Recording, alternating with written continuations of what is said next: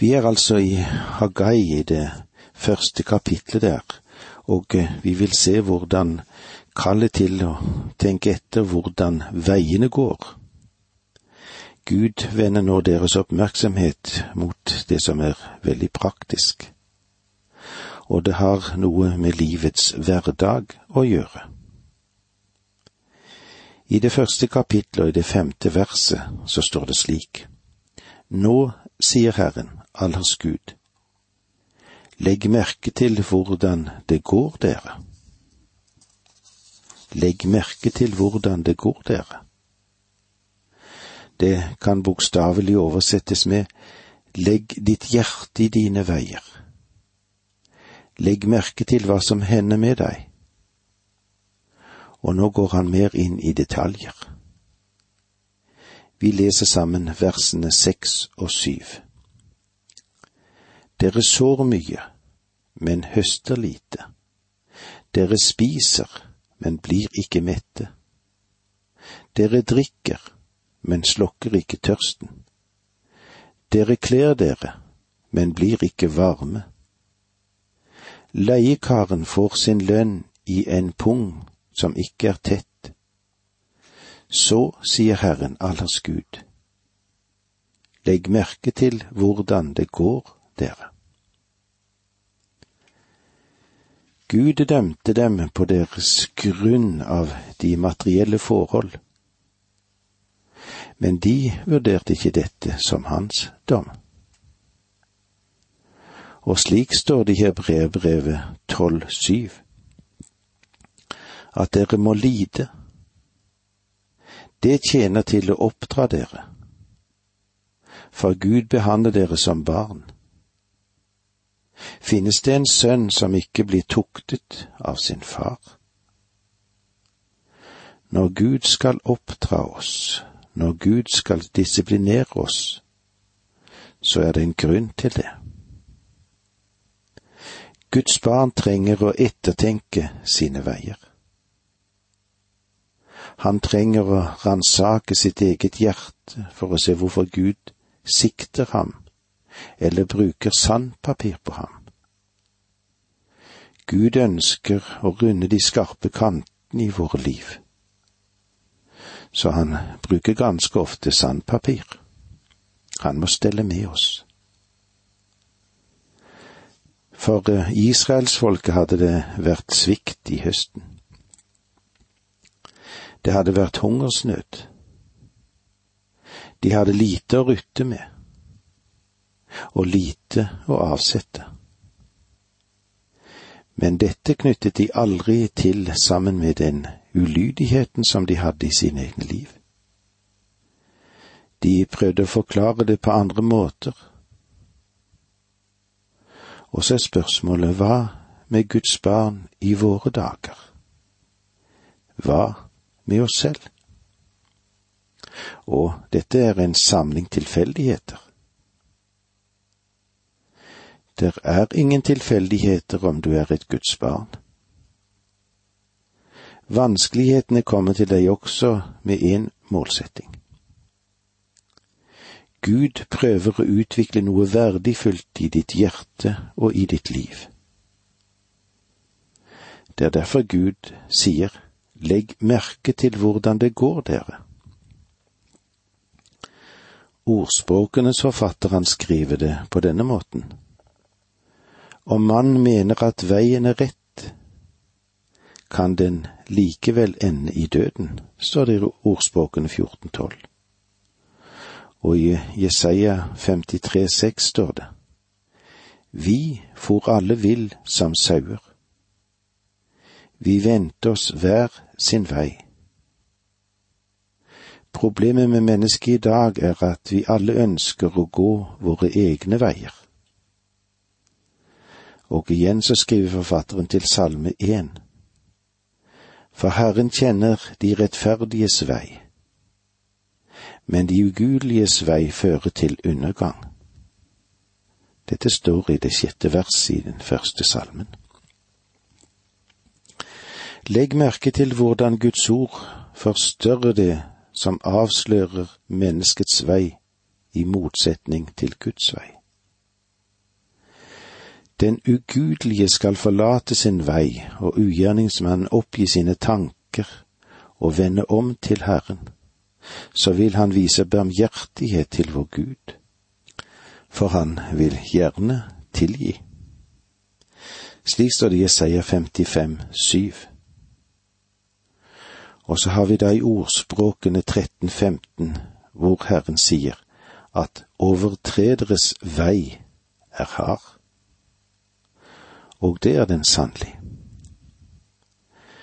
La oss igjen lytte til Jesaja som sier, Som himmelen er høyere enn jorden, er mine veier høyere enn deres veier og mine tanker høyere enn deres tanker, som det står i det 55. kapittelet i Jesaja, vers 9.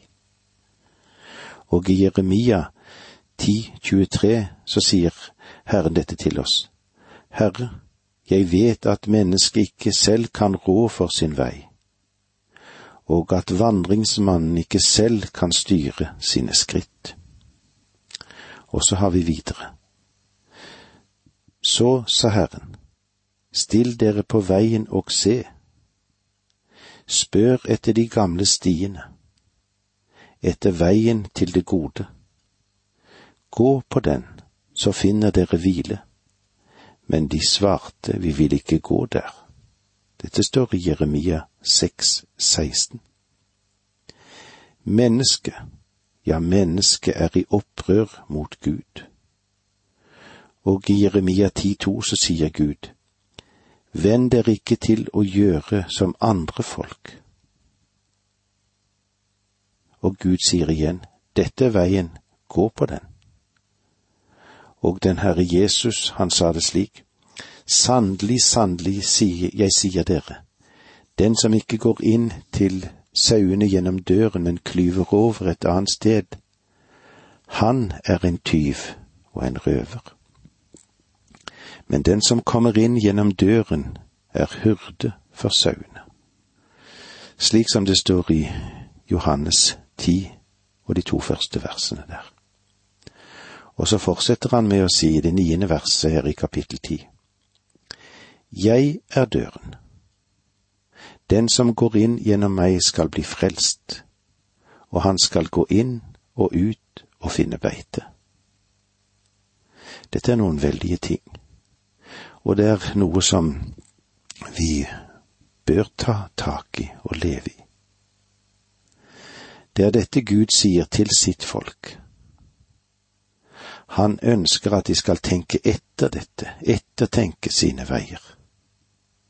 Han vil at de skal tenke med hjertet på sine veier. Han spør, Ser du ikke hva som hender med deg? La meg få lov til å stille deg et spørsmål. Hvilken vei er du på i dag? Hvilken sti har du valgt? Hvor fører denne stien hen? Den kan virke svært så innbydende akkurat nå. Men om du tenker deg om, hvor leder den så hen? Leder den mot ødeleggelse, mot undergang? Gud sier at den veien som fører til livet, den er smal. Kristus er den veien. Han er den eneste veien til Faderen. Men går du inn gjennom den smale port, så vil den vie seg ut når du går og får se livets herlige syner som finnes foran på denne veien. Du vil eie overflod av liv. Det er kanskje tid for å tenke etter litt. Hvordan er det med dine veier? Ransak ditt hjertes veier. Og spørsmålet blir da, i hvilken retning bærer det av i dag? Hvordan fungerer ditt ekteskap? Hvis du er student, hvilke mål har du så for livet ditt? Er du en ung kvinne? Hvordan leder så han deg til den du er forelsket i? Hvor bærer det hen? Hva vil hende med deg? Hvorfor ettertenker du ikke dine egne veier og legger merke til hvordan det går? Mennesker fra alle samfunn tar kontakt med oss. Med mange går det godt, men andre må med bitterhet erkjenne at de har valgt feil vei og de slo inn på gal vei. Og så lider de under det. Både gjennom vanskeligheter i sitt hjem, knuste forhåpninger og ruinerte liv. Gud sier, Legg merke til hvordan det går dere. Og med disse ordene sier vi takk for nå, må Gud være med deg. Dette undervisningsprogrammet består av to deler. Åge Nevland fortsetter nå med andre del av dagens undervisning. Vi er inne i profeten Hagai. Denne profeten som forteller om de store vanskelighetene det var når jødene kom tilbake etter at de hadde vært i eksil og de hadde møtt mye motgang. De hadde sådd mye, og de høstet lite. Og det var vel slik at pengene som kom inn i pungen, de rant like fort ut igjen som de ble lagt der. Landet var plaget av tørketider, og grunn var å finne det som var forsømt, og det var å bygge opp igjen tempelet. Ofte er det vel slik at vi skylder på våre problemer, og så glemmer vi ut den saken som vi skulle ha gjort for Gud. Tidsaspektet kommer inn. Vi sier vi har ikke tid, eller vi har ikke råd. Og eh, vi anser det heller ikke å være så nødvendig men eh, hvordan er det? Tar vi tid til Guds ord, til bønn, til meditasjon? Tar vi tid til å gå i Guds hus? Hvilket perspektiv har vi over livene våre? Har vi satt alt opp i rette perspektiv? Må Gud få komme til med sin nåde og fred og hjelpe oss. I Hagai, det første kapitlet, vers seks og syv, så leser vi slik. Dere sår mye, men høster lite. Dere spiser, men blir ikke mette. Dere drikker, men slokker ikke tørsten. Dere kler dere, men blir ikke varme. Leiekaren får sin lønn i en pung som ikke er tett så sier Herren allers Gud, legg merke til hvordan det går dere.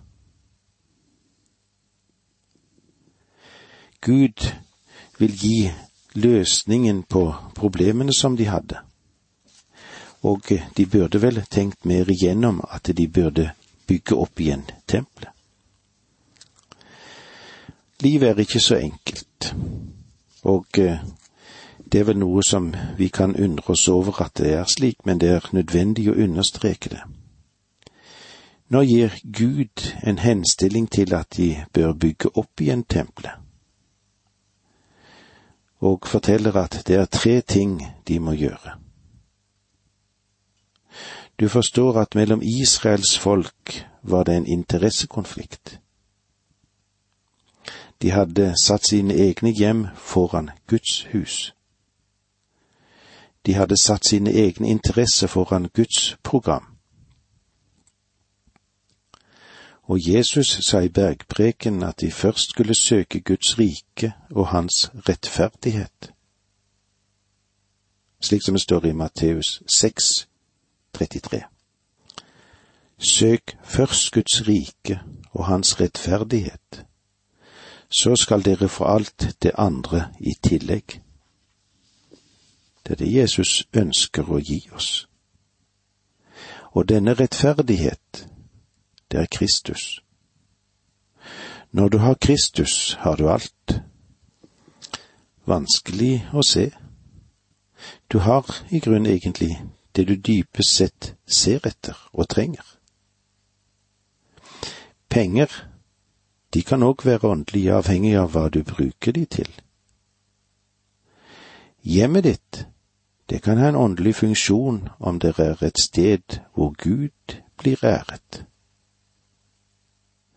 Det kan være et sted der et vitnesbyrd for Herren blir gitt, der venner kan komme og kjenne seg fornyet. Eller det kan være en bibelklasse der han kan få undervisning. Det kan være et sted like hellig som en kirke, eller som kirken hører til i, eller bedehuset, eller hvor det måtte være. Det mennesker er etter i dag, det må ikke nødvendigvis være galt, men det blir galt når du setter først ditt eget liv og bruker det meste til dine selviske mål. Og så forteller da Gud folket på Hagais tid hva de skal gjøre. Og det leser vi i vers åtte. Dra opp i fjellet og hent tømmer. Bygg tempelet, så vil jeg ha behag i det, og vise min herlighet der, sier Herren. Løsningen som sies oss her, den er enkel. Det er bare tre ting vi skal gjøre. Dra opp i fjellet. Hent tømmer og bygg et hus. For å være ærlig så undrer jeg meg på hvorfor ikke israelsfolket hadde sett dette tidligere. Men det er vel slik at når mennesker får det store jeg foran øynene, ja, så fordunkler det alt det andre rundt en. En blir blinde for det en burde ha sett. Det som burde vært relativt enkelt, kan bli svært komplisert for oss. Ja, det blir store problemer. Menneskene sier også i dag, selv om de skulle være nokså utviklet, livet er så komplisert. Vi trenger en psykiater eller en psykolog. Vi må få ryddet opp i tingene. Om bare så mange mennesker i dette land hadde satt Gud på sin rette plass, så tror jeg at mange ting ville ha falt på plass, det ville ha rettet seg opp av seg selv. Men først må du få ut ditt store jeg, du må få det ut av veien. Dra opp i fjellet og hent tømmer. Om du har besøkt Israel, så kan du undre deg på hvordan Guds ordre om å dra opp i fjellene og skaffe tømmer, siden landet er nesten helt renset for tømmer. Israel har nå i mange år drevet med en intensiv skogplanting. Og selv om det nå er plantet millioner av trær, så virker mange årsider veldig nakne om man ser på dette. Det er bare ganske få som har tegn til noe grønt som dekker dem. Men ved den tiden var landet dekket med trær. Det er iallfall noe som dette verset forteller oss. Gud ville ikke ha bedt dem om å hente tømmer i fjellene om det ikke hadde vært noe å hente der. Hva hendte med skogen i Israel? Da fienden kom og invaderte Israel i år 70, så ødela ikke romerne bare byene, men de renset òg landet for skog. De skar ned praktisk talt alle buskene som var der. Men legg igjen merke til det enkle ordet og løsningen som Gud hadde på, problem, på dette problemet. Dra opp i fjellet. Hent tømmer. Bygg huset. Det å foreta hele denne operasjonen ville kreve ganske mye arbeid og anstrengelser. Om du ikke vil gjøre noe for Herren, om det ikke, og om du ikke vil gjøre det Gud ber deg om å gjøre, hva nå dette måtte være da? så vil bibelstudier alene ikke hjelpe deg så veldig mye. Gud tror også på et liv som er i funksjon. Og dette budskapet som vi finner i denne lille, lille boken som Hagai har gitt oss, er en slags gjerningsevangelium. Ja, jeg håper at du forstår meg rett. Som vi har sett i denne intense lille boken, så kom Gud først med en utfordring til sitt folk. De lurte seg selv når de trodde at de gjorde Guds vilje. Men grunnen til at de ikke hadde bygget tempelet, var at de ikke skjønte seg riktig på prioriteringen, og at de nå ville hvile på sine laurbær. De forsøkte å tale seg inn i en virkelighet som bare var fromt prat. Tiden er ikke kommet ennå. Det er ikke Guds vilje at vi skal bygge nå. Men Gud ba dem om å komme seg opp og ut av godstolen og sette i gang. Han sa, Dere har skyldt på at dere har fått dårlige avlinger, og at tingene generelt sett er vanskelig for dere.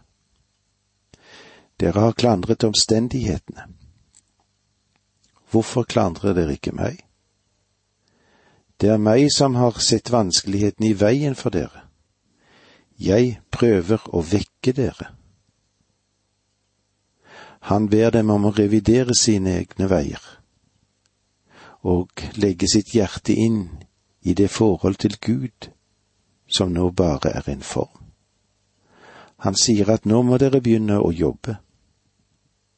Han anklaget dem for at de var i en interessekonflikt med Gud og han ba dem om å tenke seg om. Og han ber dem nå på nytt igjen å begynne bygningen av tempelet. Og det var ganske enkelt. Dra opp i fjellet og hent tømmer. Dere kan ikke vente at tømmeret skal komme nedover fjellsidene selv, komme ned til dere. Det er deres oppgave å gå til verket. Og med disse ordene sier vi takk for nå, må Gud være med deg.